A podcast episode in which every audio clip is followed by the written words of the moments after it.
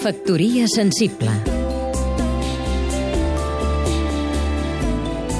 Rafel Vallbona, escriptor i periodista.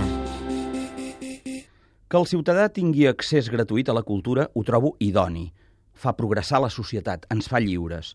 Però aquesta cultura té un preu, perquè la fa algú que s'hi guanya la vida, com vostè amb la seva feina. I si no la paga el ciutadà directament, algú ha de fer, perquè si no, no hi ha cultura ni hi ha res. La gratuïtat de la cultura, en tant que bé comú, és un dels fonaments de la democràcia i del servei a la comunitat. Però val calés, com val la feina del lampista quan ve a casa a reparar-nos una fuita d'aigua.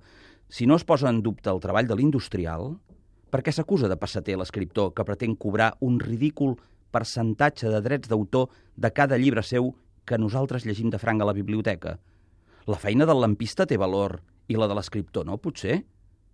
Qui pensi això potser ha llegit molt, però no li ha servit de gran cosa. Un altre tema és si aquest cànon el pertoca pagar als ajuntaments. Crec que no, però això és un debat polític, que es moguin consellers i regidors.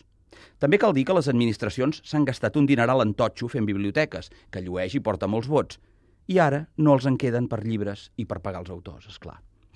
En tot cas, el que no es pot fer és culpabilitzar els escriptors, tal i com he llegit en articles que literalment inciten a la rebel·lió contra el pagament de drets d'autor per llibre deixat. Bonica forma de promoure la lectura, la d'atiar una guerra, perquè sense escriptors no hi ha llibres, lectors ni biblioteques. Allà cadascú amb la responsabilitat del seu dit acusador. Factoria sensible Seguim-nos també a catradio.cat